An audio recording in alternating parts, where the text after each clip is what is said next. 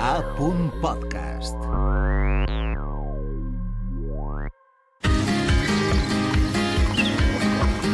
Ben i parlem, un podcast per aprendre valencià amb Aina Monferrer.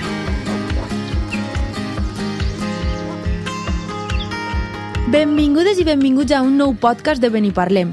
Avui reflexionarem sobre els avantatges de ser plurilingüe i de viure en una societat multilingüe. Primer, saludem a Joaquim Dols, que està amb nosaltres a l'estudi, i a Lidon Marín, que està a l'altra banda del telèfon. Benvingut, Joaquim. Bon dia. Benvinguda, Lidon. Bon dia. A més, vos he cridat als dos perquè vos admire i crec que pot ser molt interessant una conversa amb dos perspectives tan importants i al mateix temps tan complementàries.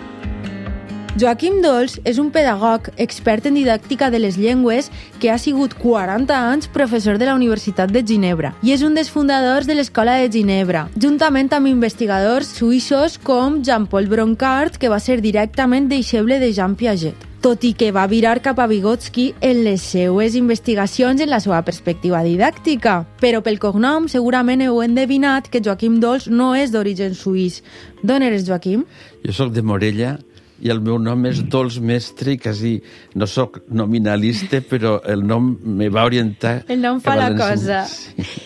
I aleshores, si eres de Morella, parles un valencià nord-occidental, no? Parlo com la gent de Morella. Com- Efectivament, és la varietat molt pròxima de, la, de Tortosa, Vinaròs, eh, de tot el bisbat de Tortosa. És una varietat del valencià que es parla a les comarques valencianes del nord i al sud i sud-est de Catalunya. Joaquim, fes-nos cinc cèntims del teu treball a Ginebra. En què consistix? O en què consistia? La meva càtedra es diu Didàctica de les llengües en plural, és a dir, treballo sobre el plurilingüisme en un context multilingüe i formació del professorat. És a dir, que m'he dedicat, hauré format milers de professors de primària i de secundària del cantó de Ginebra en un país que és plurilingüe també perquè a Suïssa hi ha quatre llengües oficials mm. més les llengües de la emigració i a Ginebra en particular té molt de pes l'anglès perquè estan els organismes internacionals i moltes llengües de migrants de, de tot arreu del món, és molt cosmopolita. Aleshores ens pot servir també per a fer-nos una idea si al territori valencià, no? Que també tenim este... Efectivament, vinc d'Alacant i Alacant té el 25% de població emigrant i es parlen moltes llengües, malauradament s'està perdent molt el valencià. Això estem intentant combatre-ho. Recordem que també tenim en connexió telefònica a l'Idon Marín, que és una investigadora en neurolingüística que actualment es troba treballant amb una investigació postdoctoral a la Universitat de York, al Regne Unit.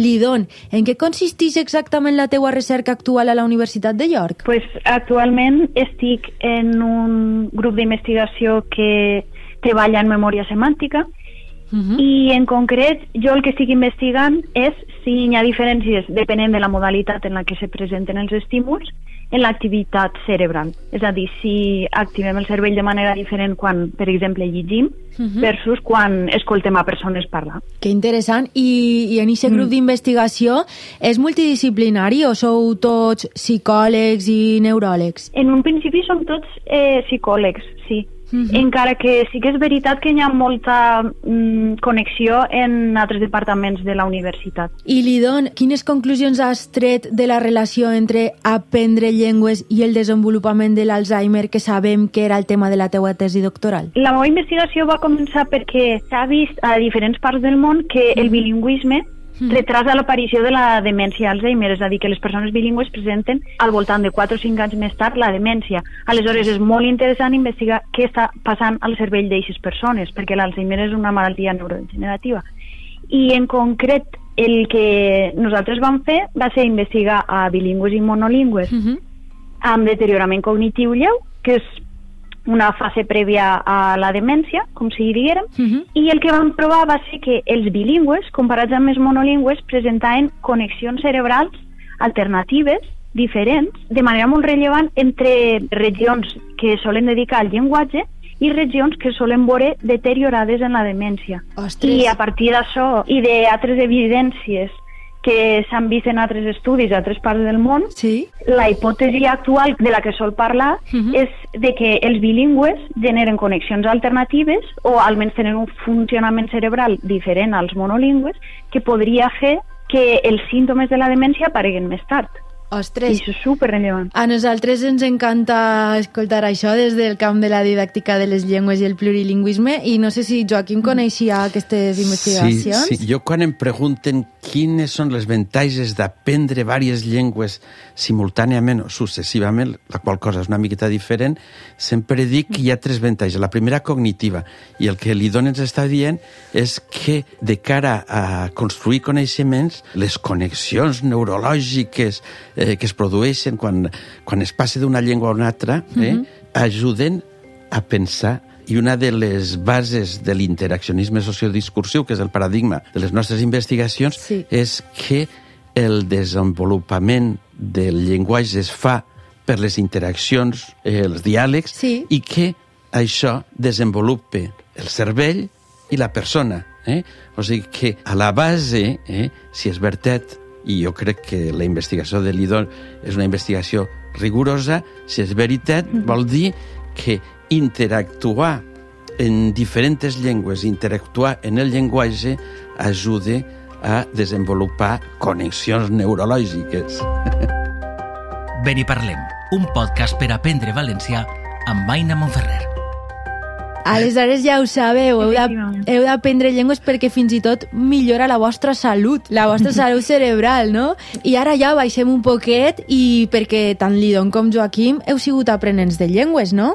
Sí. Aleshores, Lidon, primer també volia preguntar-te eh, si eres de Castelló de la Plana o d'algun altre poble. Jo soc nascuda a Castelló de la Plana i he viscut tota la vida allí, però ma mare era de... bueno, és de Benafigos i mon pare era de Neta. Ostres, eh, això és eh, maestrat o... Maestrat. Maestrat. aleshores- Fa poquet, eh? però som maestrat. Eh, Eixos pobles que han canviat de comarca. Aleshores Sí. també tens un, un valencià, tot i que no igual, semblant al de Joaquim, de les comarques del nord, aproximant-se al Imagino nord que sí. occidental. Sí. sí, Imagino, has dit imagino i aleshores Sí. parlo, penso, això és del nord occidental. I Lidon, quines llengües parles tu? Jo parlo castellà, valencià, òbviament, anglès, que ara l'estic potenciant molt també per Sí. viure així, i vaig aprendre també alemany i francès quan era més jove. A l'escola d'idiomes? Tinc prou abandonat. Sí, a l'escola d'idiomes. Des de ben menuda, ma mare va veure que tenia interès per les llengües i va dir tu acaba, acaba a l'escola Vicent. L'escola oficial d'idiomes, ja ho sabeu que la teniu ahí per aprendre llengües, baratet i amb bons professors. Totalment. I Això anava, anava a dir, sí. Que sí, la recomanes? és molt assequible, sí, la recomano i és molt assequible per a les persones de família treballadora. Mhm. Està superbé. Doncs sí, no cal anar-se'n a una acadèmia privada. I felicitem a, a la mare de l'Idon per la iniciativa d'orientar-la cap a l'escola de- d'idiomes. Sí, perquè quina importància tenen els pares o la família en l'aprenentatge de llengües dels seus fills? Diguem que l'educació no la fa únicament l'escola.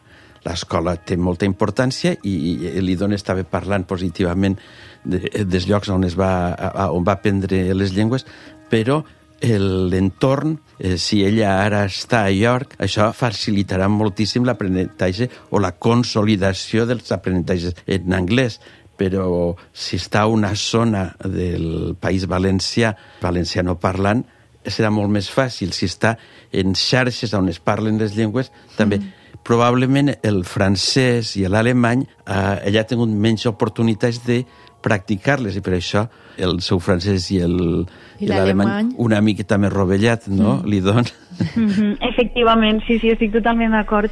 Perquè- Sí, és una cosa que he anat reflexionant, que si les llengües no les pots practicar en el teu dia d'alguna manera, jo crec que s'acaben perdent. Ah, o ah. almenys s'acaben perdent fins a cert punt. I el context en el que vius és molt important també per això, jo crec. Eh, Li don, te conto una anècdota com es poden perdre les llengües. Jo vaig conèixer el, el fill d'un ambaixador dels Estats Units que va passar la infància a Japó i va morir la seva mare, li ensenyaven a parlar eh, va començar a parlar japonès i després quan el seu pare el van canviar de, de país va deixar de parlar en japonès i té gravacions d'ell, de xiquet, parlant en japonès Sí. i no es comprèn.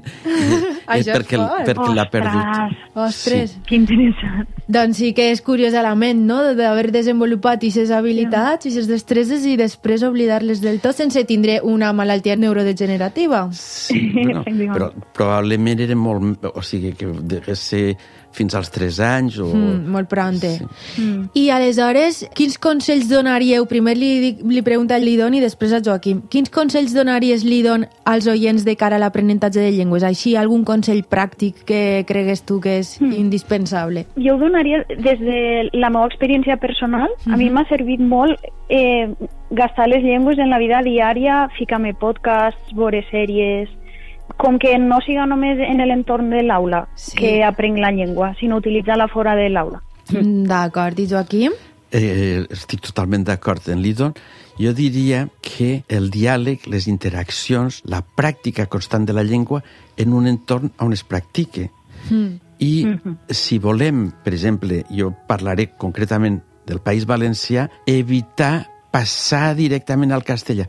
Si parlem en valencià amb la gent que vol aprendre el valencià, li ajudarem a que aprengui el valencià. Si volem que la gent aprengui l'anglès, es pot anar a llocs o, o seguir xarxes o podcasts... Per internet també, clar. I no únicament la recepció és important, i a l'Idó, que treballa sobre la lectura i la comprensió, i jo comprenc que mm. vaig en aquesta direcció, és important la recepció, però també és important la pràctica, produir, parlar i posar-se en situacions en què ha d'utilitzar la llengua. Parlar en context, aleshores, i, i ahir em sorgeix a mi un dubte, Lidon, perquè tu treballes amb, mm. amb semàntica i per tant t'imagine que en les vostres experimentacions comproveu llistes de paraules, no? Si se recorden o no, o com ho feu? Jo específicament ara estic treballant en presentació passiva de frases, és a dir, les persones han d'estar atentes a, a les frases que se'ls estan presentant, Mhm. però en semàntica sí que se treballa molt en, en això, en reconeixement de paraules i els subjectes han de contestar d'alguna manera, o bé produint alguna paraula que estiga semànticament relacionada, o sí, coses Mm. similars. Mm. Podria afegir una última cosa que m'ha paregut sí. molt rellevant també el que acabeu de dir, perquè en la nostra investigació també una conclusió que vam traure Mhm. va ser que realment és possible que la protecció contra l'Alzheimer s'estiga produint precisament per l'ús actiu, com acaba de dir Joaquim, de la llengua. Perquè en, en el nostre context un monolingüe del castellà també està prou exposat al valencià en el seu dia a dia, probablement. I això no té els beneficis, no? Eh, Si no és actiu, no se li apliquen els beneficis? És així? Exactament. Això, això era la conclusió que nosaltres extraïem dels nostres resultats en concret, pel tipus de, de mm, societat en la que vivim. Lidó, en tot aprenentatge, l'activitat és fonamental. I això ho podeu demostrar des del punt de vista neurològic. Però allò que diuen la pedagogia activa i Piaget i els grans autors de, del període d'entreguerres del segle passat és que eh, per aprendre hi ha que practicar les coses i hi ha que ser actius. I per al llenguatge igual. Doncs sí, totalment. Doncs després d'esta conversa molt interessant, si vos sembla bé, li don Joaquim, farem un xicotet joc, un petit joc. Ben i parlem, un podcast per aprendre valencià amb Aina Monferrer. Esteu preparats? El joc és una bona cosa per aprendre, també. Això dia Wittgenstein, no? El segon Wittgenstein. Però això dies jocs de llenguatge, no per aprendre, però bueno, Què dia, què dia Wittgenstein? que la comprensió, Sí. que també és un aspecte semàntic, no és únicament de paraules o frases, però està en l'ús complex del llenguatge i en els jocs de llenguatge entre els interlocutors. Doncs ara farem un joc, que no és exactament un joc de llenguatge, però sí que és un joc, que es diu Endevina l'idioma. I aleshores, eh, és un joc, no és un examen, eh? I que, i que ja sabem que sabeu molt els dos, així que no, no abuseu eh, dels vostres coneixements. També podeu jugar els que esteu a casa escoltant este Ben i Parlem, esteu convidats a jugar. La mecànica és molt senzilla. Jo diré una paraula i vos oferiré tres opcions d'idioma o de llengua. I heu d'endevinar de quina llengua es tracta. Això sí, pareu atenció perquè podria haver-hi més d'una opció correcta. Comencem. La primera paraula és ploaie, Plaie. Vinga, vos dono unes opcions, eh? Vos dono unes opcions que si no és massa difícil. Podria ser francès, italià o romanès. Romanès. Romanès, diria jo. Correcte, romanès. El lexema és plo, com de ploure, i mm, en italià seria piovere i en francès seria plu, no? Com es pronuncia? La pluie és el La substantiu, però pleuvoir és més complicat. El- L'infinitiu és ple, pleuvoir. Pleuvoir. Esta l'heu encertada i passem ara a una altra paraula. La paraula és el Badinjanu. El Badinjanu és la paraula. El Badinjanu. I vos dic les opcions. De quina mm. llengua pot ser? Del neerlandès, de l'àrab o de l'alemany? Alemany no. Alemany no. Mm. Lidon? Confirmo, alemany no. Les altres dos són neerlandès ne o àrab? Neerlandès, jo diria. El Badinjanu? Sí. No, o, oh, o oh, el Badinjanu. El Badenjano. Ah, no, pot ser àrab, no sé. Jo crec és... que sona prou àrab, no? Bueno. Àrab, àrab, és àrab. Molt bé. bé. El Badinjanu, que ens pot sonar a albergínia, ah. berenjena... Ah, molt bé. Ah. Oh. L'alt eh. que és l'article, eh? Sí, sí, en, fins i tot en sànscrit és paregut, en persa, no? Serà per aquella llengua antiga, no? L'indeuropeu, o per què serà? Sí, és que el, eh, és veritat que les llengües que són de la mateixa família, eh, o sigui, que és familiaritats i, i, la, i, i tenim moltes paraules que venen de l'àrab. El que passa que en una paraula sola és difícil. eh? Clar, en paraules aïllades és més difícil, no? Prepareu-vos. Vinga, l'última. La paraula és aqua, però escrit A-C-Q-U-A. És que en esta llengua no té àudio, imagineu-vos. oh, Aqua. I vos dona opcions. Rus, val. cors o italià. Escrit en C, perquè aqua en italià eh, també es, es diu aqua. En este cas serà aqua, però escrit A-C-Q-U-A. Què penseu, Lidon? Tens alguna hipòtesi? Jo hauria dit italià. Però en italià... Però no ho sé. La segona llengua has dit? diferent. Cors de Còrsega. Jo diria cors. Mm. Cors. Molt bé! És en cors. I vol dir aigua, evidentment. I coneixes alguna cosa del cors, Joaquim? Diguem que he vist la pel·lícula Padre i Padrone, si no m'equivoco, i me va impressionar molt, però parla, és una llengua eh, que té... És, eh, és llengua romans, però no però prou diferent de l'italià. Té també moltes diferències de l'italià. Eh? Una llengua romànica, el cors, tot i que no té estats, però com moltes altres llengües romàniques, com la nostra, com el valencià, però també és una llengua que està ahí, no? I hem vist que en el Google Traductor no es pot escoltar encara el cors. Es tradueix per escrit, però no, no té l'opció d'àudio. Bé, doncs, moltíssimes gràcies per haver vingut, Joaquim i Lidon. Ha estat un plaer. Moltíssimes gràcies a vosaltres. I, I gràcies per posar en contacte dos escoles psicològiques, Sí. eh? Eh, la psicolingüística interaccionista i la psicolingüística eh, associada a les neurociències. Sí, que jo també crec és que interessant això com a serà articulació. el principi d'una amistat. Totalment. I fins així el programa d'avui de Ven i Parlem. Esperem haver-vos entretingut i que hàgiu après amb nosaltres. Fins a la pròxima. Adeu. Adeu. Adeu.